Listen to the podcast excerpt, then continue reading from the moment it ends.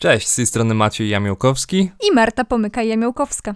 Witamy Cię serdecznie, to jest podcast Legal Stories oraz cykl Czwartki dla Twórców. Jeśli jesteś twórcą lub pracujesz w branży kreatywnej, to dobrze trafiłeś, bo w ramach tego cyklu będziemy co drugi czwartek przekazywać Ci dawkę konkretnej wiedzy prawniczej, która może nieco ułatwić Tobie codzienną pracę. A także rozwiać wątpliwości prawne, które być może właśnie zaprzątają Twoje myśli. Zaczynamy. Zaczynamy.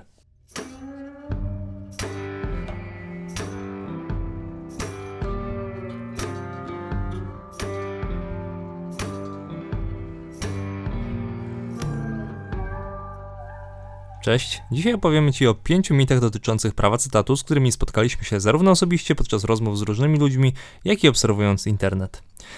Zanim jednak zaczniemy mówić o mitach, opowiemy Ci pokrótce, na czym polega właściwie prawo cytatu. Z uwagi na syntetyczny charakter serii czwartki dla twórców, to będzie dosłownie pigułka wybranych informacji o prawie cytatu, natomiast bardziej dokładne opracowanie znajdziesz na naszym blogu legalstories.pl. Zacznijmy od tego, że prawo cytatu zostało wprost uregulowane w ustawie o prawie autorskim i prawach pokrewnych, a konkretnie w artykule 29. I teraz przytoczę Tobie ten artykuł, a brzmi on tak. Wolno przytaczać w utworach stanowiących samoistną całość urywki rozpowszechnionych utworów oraz rozpowszechnione utwory plastyczne, utwory fotograficzne lub drobne utwory w całości w zakresie uzasadnionym celami cytatu, takimi jak wyjaśnianie, polemika, analiza krytyczna lub naukowa, nauczanie lub prawami gatunku twórczości. Jak więc widzisz, z przepisu bezpośrednio wynika, że prawo cytatu nie dotyczy każdego cytowania, a jedynie cytowania w utworze, który stanowi samoistną całość. Co to oznacza w praktyce? W praktyce oznacza to to, że cytat nie może pełnić dominującej roli w Twojej pracy, w Twoim dziele. Mówiąc inaczej, Twoja praca, w której wykorzystujesz fragment cudzego utworu, sama w sobie powinna cechować się twórczością, mieć wartość twórczą. Poza tym trzeba pamiętać też o celach cytatu. Fragment cudzego utworu powinien być zawsze wykorzystany w jakimś uzasadnionym celu, np. w celu wyjaśniania lub analizy krytycznej.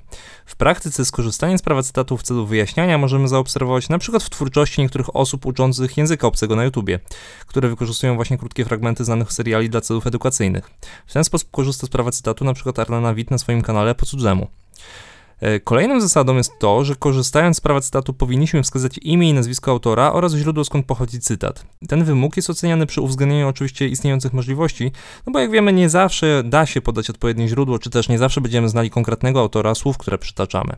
Tutaj warto też dodać, że cytat powinien być w jakiś sposób wyodrębniony, przykład poprzez kursywy lub poprzez e, cudzysłów. Pamiętaj też, że korzystanie z prawa cytatu ma pewne swoje ograniczenia nie tylko w zakresie celu cytatu, o którym mówiliśmy, ale również w zakresie konieczności szanowania słusznych interesów twórcy i normalnego korzystania z utworu. Chodzi tutaj głównie o aspekty ekonomiczne. Na przykład, jeśli wykorzystałbyś cytat komercyjnie i wiązałoby się to z poważnym uszczerbkiem majątkowym po stronie twórcy, no to w takiej sytuacji twórca mógłby podnosić wobec ciebie szereg roszczeń związanych właśnie z naruszeniem jego interesów majątkowych, tych jego słusznych interesów jako twórcy. To tyle, jeżeli chodzi o wstęp, a teraz przejdźmy do pięciu mitów dotyczących prawa cytatu, z którymi mieliśmy okazję się spotkać. Mit numer jeden.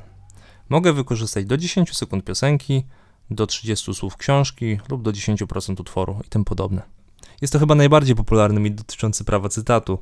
Dotyczy on tego, że e, niektórym osobom wydaje się, że prawo cytatu jest obarczone pewnymi limitami w zakresie mm, na przykład właśnie ilości słów, czy też ilości sekund w utworze muzycznym e, i tym i tak dalej. E, nie do końca wiadomo właściwie skąd się wziął ten mit, natomiast przepisy prawa autorskiego nic nie wspominają o długości urywku, który wykorzystujemy.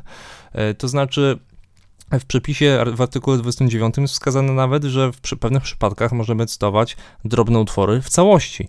Możemy mieć z tym do czynienia na przykład przy e, zdjęciach, jeżeli ilustrujemy jakieś dane zjawisko konkretnym zdjęciem, które to na przykład wyjaśnia. W takim przypadku no, to zdjęcie oczywiście możemy przytoczyć w całości, podając tylko odpowiednie źródło i imię i nazwisko autora tego zdjęcia.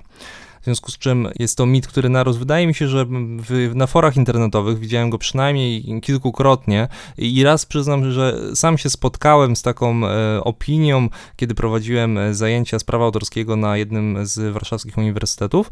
E, studentka zapytała właśnie o tę kwestię mm, wykorzystywania, bodajże chyba chodziło o e, 15 sekund utworu muzycznego. No ja wyjaśniłem oczywiście jej, że to nie działa w ten sposób prawa cytatu, natomiast ona powiedziała, że ja nie mam racji, ponieważ jej kolega jest producentem muzycznym, jest muzykiem e, i skoro on tak mówi, to znaczy, że tak jest. Więc no, jak, tutaj, jak widać, no niektórzy mają taką, mają już za, tak mocno zakorzeniony ten mit, że nawet jeżeli im się wyjaśni, konkretnie poda przepis, to i tak wierzą w ten mit, ponieważ po prostu ktoś im powiedział, że tak jest. Więc tutaj, żeby nie być gołosłownym, przytoczymy konkretny fragment uzasadnienia Sądu Najwyższego, który się między innymi do tego odnosi. I tutaj Sąd Najwyższy wskazuje, że w artykule 29, czyli tym przepisie dotyczącym prawa cytatu, e, prawa autorskiego, nie chodzi o rozmiar przytoczonego we własnym dziele utworu, lecz o wzajemne relacje i cel cytatu. W określonych wypadkach uzasadnione może być nawet przytoczenie cudzego utworu w całości, jeżeli następuje to w celu wyjaśniania, analizy krytycznej, nauczania lub uzasadnione jest prawami gatunku twórczości. W każdym razie jednak cytowany urywek lub nawet cały drobny utwór musi pozostawać w takiej proporcji do wkładu własnej twórczości, aby nie było wątpliwości co do tego, że powstało własne samoistne dzieło. Więc Sąd Najwyższy tutaj, jak widzisz, wyraźnie no, wskazał, że nieważne jest to, ile sekund na przykład, czy też ile słów cytujesz, ważna jest ta proporcja, żeby po prostu, no mówiąc kolokwialnie, nie przesadzić. Więc ten cytat powinien być odpowiedni, powinien być odpowiedni do celu. Czyli na przykład, żeby wyjaśnić coś, potrzebujemy jedno zdanie z pracy naukowej, to powinniśmy zacytować to jedno zdanie, a nie pół artykułu. Mit numer dwa. Wystarczy podać link lub źródło strony. I ten mit związany jest z takim przekonaniem, że jeżeli cytujemy czyjś utwór, no to wystarczy podać takie odesłanie ogólne, jakiś link lub właśnie źródło do strony internetowej. Już w odpowiedni sposób zostaje wskazane to, skąd pochodzi dany cytat. No i jest to właśnie mit z tego względu, że prawo cytatu jest ściśle powiązane z przepisami, które odnoszą się do dozwolonego użytku, ponieważ właśnie prawo cytatu jest taką formą dozwolonego użytku, a jak zerkniemy w przepisy o prawie autorskim i prawach pokrewnych, konkretnie do artykułu 34 ustawy, to zobaczymy, że ustawodawca w ramach dozwolonego użytku wymaga od nas tego, żebyśmy oznaczali źródło oraz imię i nazwisko twórcy. E, twórcy dzieła, twórcy utworu, do którego sięgamy, z którego korzystamy. I taką sprawę rozpatrywał m.in. Sąd Apelacyjny w Warszawie.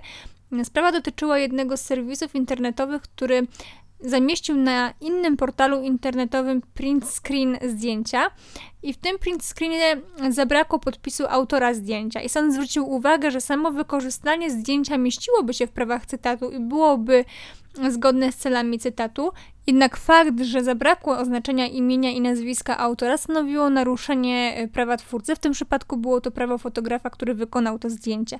Jeżeli chodzi o oznaczanie imienia i nazwiska twórcy, to tutaj też wskazujemy, że oczywiście e, zawsze jest rozpatrywane w zakresie możliwości przytoczenia takiego imienia i nazwiska, bo oczywiście mogą zdarzyć się sytuacje, że korzystając z czyjejś twórczości nie możemy, mimo tego, że mm, staraliśmy się dotrzeć do informacji, kto jest twórcą, nie możemy wskazać tego twórcy, ale jeżeli wiemy i mamy świadomość tego, komu przysługują prawa autorskie, to wówczas każdorazowo wskazujemy źródło, skąd cytujemy i imię i nazwisko twórcy.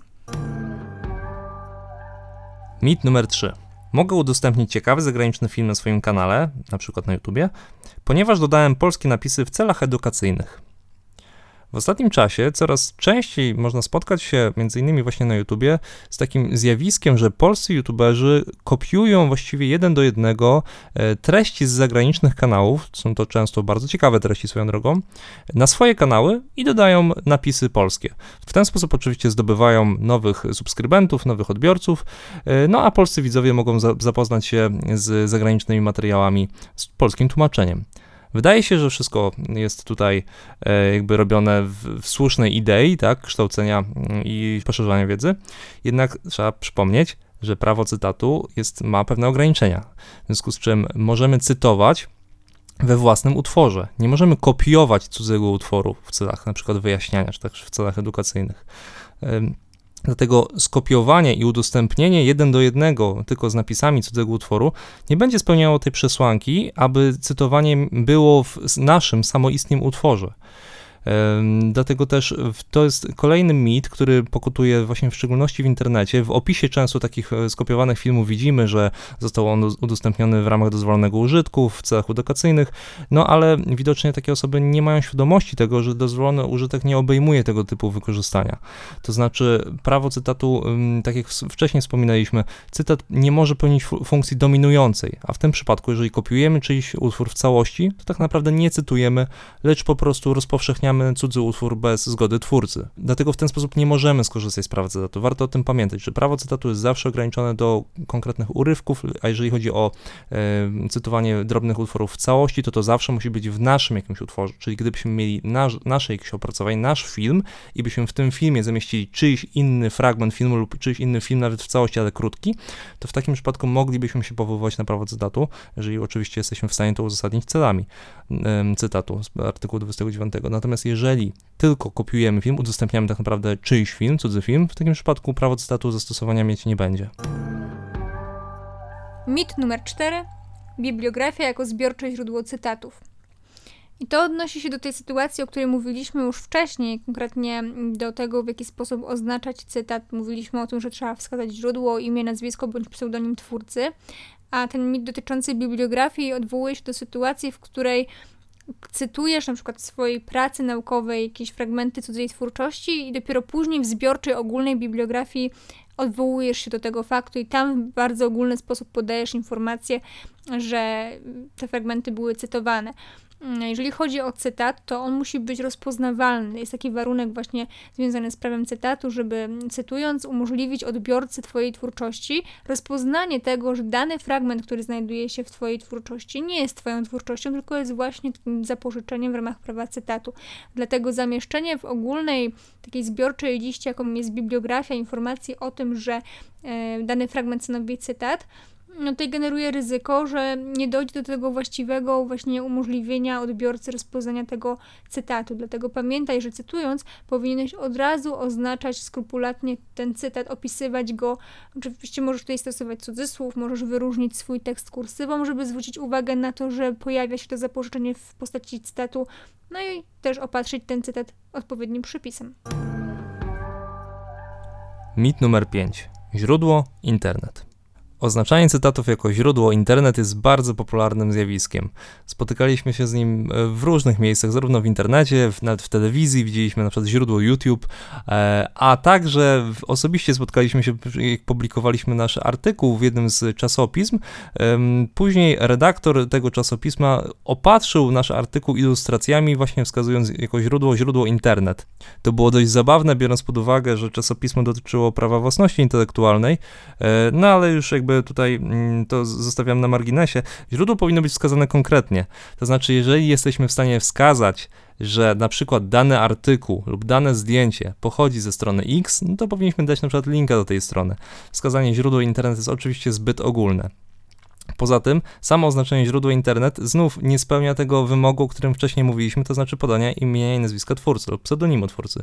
W związku z czym, jeżeli widzisz, że ktoś powołuje się na prawo cytatu i wskazuje jako źródło na przykład tylko YouTube lub źródło internet, e, bardzo często będzie to oznaczało, że taka osoba no, niepoprawnie nie cytuje e, dany, dany fragment utworu. Natomiast oczywiście mogą się zdarzyć sytuacje, że bardzo trudno znaleźć e, oryginalne źródło utworu lub bardzo trudno dojść do tego, kto był twórcą.